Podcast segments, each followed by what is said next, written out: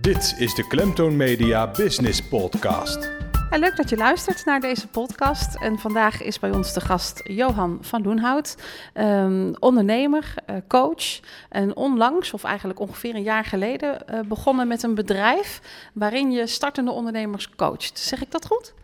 Uh, na startondernemers ook gewoon ondernemers die al jaren bezig zijn, maar die een keer de focus willen hebben op de doelstellingen waar ze mee begonnen zijn. En put je dan vooral uit jouw eigen ervaring als ondernemer, want je bent al langer uh, zelfstandig ondernemer. Met name daaruit omdat je weet uh, welke valkuil je zelf hebt gehad in het verleden. Dat je daar mensen voor kunt behoeden. En ik weet ook gewoon uit eigen ervaring dat het, het hebben van een focus leuk is. En dat in het begin goed gaat. Maar het vasthouden van die focus, dat dat lastig is.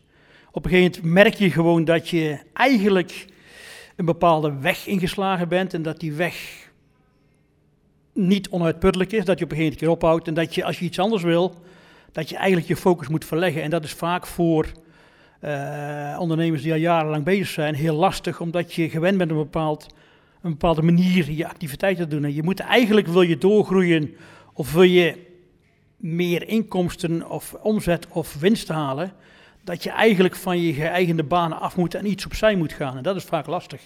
Uit die comfortzone. Uit die comfortzone. Daar coach ik met name dan op dit moment heel veel bedrijven voor.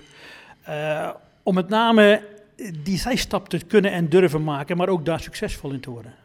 Je bent ook als coach verbonden aan het starterscentrum, hè? Klopt. Klopt, en daar doe ik nu sinds 2009.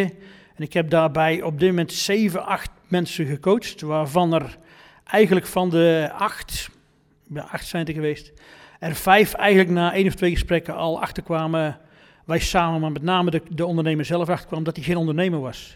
Dat hij beter kon stoppen en die ook dan gestopt is. En wanneer ben je geen ondernemer dan? Als je niet de drive hebt om uh, risico's te nemen, maar ook om een bepaalde focus te hebben. Uh, wat ik merkte met name in de crisisperiode 2009-2010, dat heel veel mensen eigenlijk ondernemer wilden worden omdat ze uit een ontslagssituatie kwamen en iets moesten gaan doen. En dat is niet de juiste spirit. Dan heb je niet de drive. Dan, dan, dan wil je ZZP'er worden bijvoorbeeld in de bouw, uh, maar heb je geen zin in je druk te maken over de financiën of over uh, de marketing of over het vinden van nieuwe klanten. En als je die drive niet hebt, ja, met alle respect, maar dan ben je geen ondernemer. Want dat zijn uh, met name as aspecten die je moet hebben om succesvol te kunnen zijn. Van de andere kant is het wel vaak zo dat je als ondernemer, uh, je begint een bedrijf omdat je ergens goed in bent. Hè, of dat dan bouwen is of schilderen of maakt niet uit. Maar al die andere romslomp die erbij komt, dat slokt zoveel tijd op. Dat klopt. En als je daar niet de tijd voor wil nemen of niet de, de actie wil ondernemen om dat goed zelf te doen of goed weg te leggen bij een ander, ja, dan zul je eigenlijk als ondernemer een jaar of twee jaar succesvol zijn. Uh, en dan daarna krijg je toch de klap, want dan, ja, waar vind je dan nieuwe klanten? Waar vind je de, de omzet die je nodig hebt om te kunnen overleven? Is het twee jaar is leuk, maar het derde jaar is cruciaal, want ook dan komt de Belastingdienst uh, bij je zeuren van ik heb wat geld van je nodig. En als dat niet is, ja, dan heb je toch een probleem. En als je daar aan de voorkant niet over na kunt denken of niet beseffen dat je erover na moet denken, ja, dan hou ik je vaak een spiegel voor van, moet je dan wel ondernemer worden? Maar er zijn ongetwijfeld ook heel veel ondernemers die juist wel die drive en die spirit hebben, maar daar toch mee worstelen. Ik kom ze tenminste zelf ook echt tegen. Mensen die zeggen van hoe moet ik hier nou, um, hoe kan ik hier nou goed handen en voeten aangeven? Wat adviseer jij ze dan? Uh, sowieso contact opnemen met het starterscentrum. Omdat daar zitten gewoon ervaren mensen, ervaren ondernemers, maar ook uh, professionele ondersteuning op het gebied van financiën, belastingtips, uh, maar ook op marketinggebied, uh, die je eigenlijk naast het coachen ook gewoon in de vorm van workshopavonden je wat de juiste informatie kunnen geven. Wat doe jij zelf om jouw bedrijven, want je hebt inmiddels meer dan één bedrijf, wat doe je zelf om online en offline zichtbaar en vindbaar te zijn? Mijn bedrijf waar het vandaag over gaat is lokaalinkopen.nl. Die ben ik eigenlijk begonnen als een soort hobby Facebookpagina om lokaal inkopen in je eigen gemeenschap te stimuleren door een Facebookpagina Koop Lokaal, waarbij ik eigenlijk probeer uh, mensen te triggeren om naar de eigen winkels in het eigen dorp te gaan. En daar ben ik over na gaan denken en daarbij kwam ik ook steeds vaker tegen dat ik niet alleen winkeliers bij me langskwam met een vraag, maar ook andere ondernemers bij ons in Wouw, maar ook uit, uit West-Brabant, die vroegen van, ja, ik zoek nieuwe klanten, kun je me daarin helpen? Of wat moet ik daarvoor doen? Ik, ik, zoek een, ik, ik wil een keer een, een, een goede offerte schrijven. Want ik krijg wel aanvragen, maar iedere keer als ik een offerte schrijf, word ik afgewezen, want hij is niet duidelijk of hij is niet goed genoeg of, hij is, of ik ben te duur of ik ben dit of ben dat. Wat ik doe is, ik ben een machine onder, uh, inkoper voor, uh, ja, vanuit hart en nieren. Ik ben in 85 begonnen als inkoper bij Philips. Ik werk nu voor uh, overheid, maar ik denk als inkoper. Dus wat ik vaak doe, is ik help ondernemers om de offertaanvragen die ze krijgen te trechteren naar de basisvraag. Maar ook om ondernemers op basis van de inkoopkennis en op basis van de, de, de relatie met, met toeleveranciers en met, met andere ondernemers, uh, eigenlijk kenbaar te maken van ja, dat is goed, maar jij moet iets onderscheidends zijn voor jouw klanten. En waar ben jij goed in en waardoor maak je jezelf onderscheidend? Dat is belangrijk. En daar hou ik ze meestal een spiegel voor in de, in de vorm van 7W-vragen, eh, waarbij ik ze eigenlijk met wie, wat, waar, wanneer, waarom uitdaag om zelf het antwoord te geven. Ja, want dat is juist lastig voor ondernemers om dat over zichzelf uh, eigenlijk te weten, zeg maar. Ja, natuurlijk. Nou ja, door met name die open vragen te stellen, zet je de ondernemer aan het denken en laat ik, hem, laat ik hem zelf het antwoord geven. Ik kan voor hem geen antwoord geven, dat moet hij zelf doen. En ik merk met name de laatste jaren dat uh, ik ben nu 1 januari 2016 met dit bedrijf erbij begonnen. Dat met name het, het, het helpen met het maken van de offerte en het trechteren van de offerte aan vraag naar een, uh, een duidelijke vraag die beantwoord moet worden. Dat heel veel ondernemers daardoor offertes gaan winnen nu op dit moment. Die ze van tevoren eigenlijk ja, of niet meededen of weggaven, omdat ze gewoon geen serieuze, concrete offerte maakten. Ik help mensen om na te denken over concrete maar ook met name ontzorgende oplossingen voor de, voor de vraagsteller. Iemand die een offerte aanvraag stelt, die heeft een probleem en wil ontzorgd worden. En, en vaak zie je dat iemand die een offerte maakt, hulpwerkwoorden gebruikt om de, de, de tekst te benadrukken, terwijl dat helemaal niet werkt. Willen, zullen, kunnen, werken niet in de zin. Als je ze weglaat, zegt de zin hetzelfde, alleen is veel stelliger. En ik merk heel vaak bij ondernemers dat ze door uh, zelfvertrouwen, gebrek aan zelfvertrouwen, maar ook door het feit dat ze weten waar ze goed in zijn, het gaan benadrukken met hulpwerkwoorden, wat averechts werkt. En daar merk ik dat ik heel veel terugkoppeling krijg dat dat helpt bij het binnenhalen van opdrachten. En dan hoor ik jou ook zeggen, hè, eh, lokaal uh, inkoop. Uh, dus met elkaar uh, binnen een bepaald dorp of stad het samen doen. kan je dan, moet je daarin ook rekening mee houden in hoe je netwerkt bijvoorbeeld? Met name wel, want je moet eigenlijk de ondernemers waar jij eigenlijk probeert de, de, de, de, de klant naartoe te trekken, die moet je kennen. Als ik in Wouw mijn via kooplokaal Facebook-items deel van lokale winkeliers, dan moet ik wel die winkelier kennen en weten waar hij voor staat. En moet ik ook met droge ogen tegen iedereen kunnen zeggen van, dit is een goede ondernemer, dit is een goede winkelier die staat voor zijn uh, werk, die staat voor zijn producten. Dus je kunt daar gerust gaan kopen. In plaats van dat je naar een, naar een webshop gaat. Is uh, netwerken sowieso belangrijk, vind jij?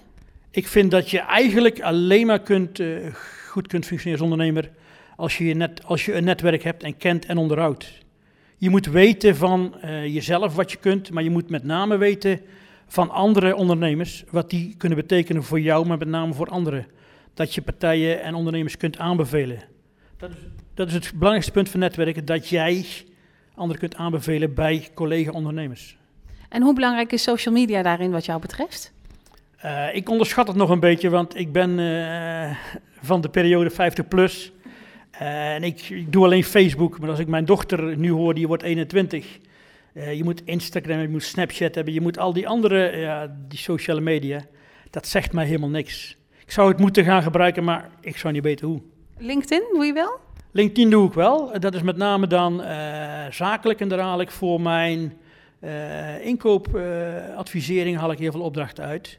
Voor lokaal inkopen of, of zo nog wat minder, omdat dat meer de consument is. En consumenten of collega-ondernemers uit deze regio, ja, dan gaat het toch meer via mond op mond of via netwerken of via... En LinkedIn is daar eigenlijk voor deze regio heb ik het gevoel dat die minder gebruikt wordt. Ja. ja, dat denk ik wel. Daar ben ik wel met je eens, denk ik. Ja. En elk social media kanaal heeft natuurlijk ook zijn eigen doelgroep, hè? Ja, met name eh, als ik kijk naar als ik consumenten wil bereiken, is mijn idee nu dat ik Facebook het beste kan gebruiken. Ook uh, met je eigen bedrijfspagina's. Uh, LinkedIn vind je weinig consumenten. Dus als je echt consumentenmarkt zit, zoals de detailisten, ja, dan zul je toch veel meer Facebook moeten gebruiken. Ja, mee eens. Um, ja, uh, als vast onderdeel zeg maar, in de podcast uh, willen we ook altijd graag uh, de persoon achter de geïnterviewde leren kennen. In dit geval ben jij dat. Dus ik heb een aantal vaste vragen die ik aan iedereen stel. Dus ik stel ze ook aan jou. Hoe oud ben je? Ik ben 56, ik ben van 1960. En welke auto rijd je? Ik rijd nu een Renault Scenic omdat die voor mijn vrouw de rugklachten uh, de beste auto is qua zithoogte, qua zitcomfort en uh, qua veringen. Is dat ook de auto waar je zelf de meeste passie voor voelt? Nou, als ik zelf zou moeten kiezen, zou ik meer een sportieve auto pakken. Ik heb hiervoor een Laguna gereden of ik heb coupés gereden. Alleen de situatie brengt nu met zich dat je naar een hogere auto moet. Ja, en dan is comfort gewoon ook heel belangrijk. Dan is comfort heel belangrijk. En ik rijd 60.000 km per jaar, dus dat wil ik wel eens zeggen. Ja, dat snap ik. Welke muziek luister je op dit moment? Uh, op dit moment uh, eigenlijk uh, een combinatie van huidige muziek. ik vind Bluff goed, ik vind Kensington redelijk. maar daarnaast 60 jaar, 70 jaar. Ik ben een oude rocker. Vroeger had ik ook heel lang haar. En, uh, ik ben meer van de tijd van Deep Purple, Led Zeppelin, Black Sabbath. En die luister ik nog graag. Ja, nou leuk. Dat klinkt al goed. Uh, welk boek lees je op dit moment? Op dit moment ben ik bezig met uh, poeh, de Judas van de zus van Holleder. Omdat dat een boek is wat ik gelezen wil hebben. Ja. En daarnaast lees ik heel veel thrillers. van, van Alistair MacLean tot ja, Colin Slaughter en alles wat ertussen zit. Doe je ook wel eens een luisterboek of niet? Nee, dat vind ik uh, niet interessant. nou, misschien komt dat nog. wat is je, je favoriete vakantieland? Oh, dat staat buiten kijf, dat is Griekenland. Ik ga elk jaar naar Griekenland. Lekker. Ik ben een Griekofiel. Waar... En eigenlijk heb ik nooit uh, dezelfde plaats gekozen. Alleen de laatste uh, tien jaar zijn we om het jaar naar hetzelfde eiland gegaan. Omdat dat gewoon het thuisgevoel geeft, thuiskoomgevoel geeft. En is de vakantie in Griekenland nu anders dan een aantal jaren geleden? Omdat er natuurlijk toch uh, ja, veel te doen is geweest om Griekenland? Voor mijzelf niet. Ik heb niet dat gevoel, omdat je op een gegeven moment... Ja, door, ik kom al 15, eh, nee, 25 jaar in Griekenland. Je leert de Grieken kennen. Je weet ook de, het onderscheid te maken tussen de echte Griek en de toeristische Griek. En we zoeken vaak ook de binnenlanden van de eilanden op waar je echt met de Griek zelf in aanraking komt. Ik spreek geen Grieks, alleen handen en voeten en een Engels woordje af en toe brengt, brengt wel veel contact. Oké, maar je weet wel ja en nee. Ik weet ja en nee en ik weet ook alsjeblieft en dankjewel. En ik weet uh, hoe ik goedemorgen, goedemiddag, goedenavond moet zeggen. Dus dan kom je bij dat soort mensen ver. Maar dat is bij elke buitenlander als je maar de moeite doet om ze aan te spreken in hun eigen taal. Waarbij je daarna heel snel overgaat naar iets anders. Dat wordt gewaardeerd. Ja. ja. Oké, en dan als laatste, wat is je favoriete serie of film? Of allebei mag ook. Oh, dat is een lastige. Kijk, ik ben nu uh, de afgelopen weken uh, heb ik Netflix gedwongen moeten kijken. En de Blacklist vind ik leuk. Alleen dan moet ik wel achter elkaar kunnen kijken. Homeland heb ik gekeken. Uh, maar voor de rest ben ik eigenlijk geen tv- of filmkijker. Nee. Nee. Meer voor een goed boek dan? Ja, boek of muziek luisteren of YouTube filmpjes kijken, dat wel. Maar echt een serie volgen of een film volgen, daar neem ik de tijd niet voor. Nou, en vanaf nu komt daar ook uh, podcast luisteren bij, neem ik aan. komt daar nu echt wel bij, ja. ja. Heel goed. Nou, ik wil je eh, bedanken voor, uh, voor, dit, uh, voor dit interview. En dat je te gast wilde zijn in onze podcast.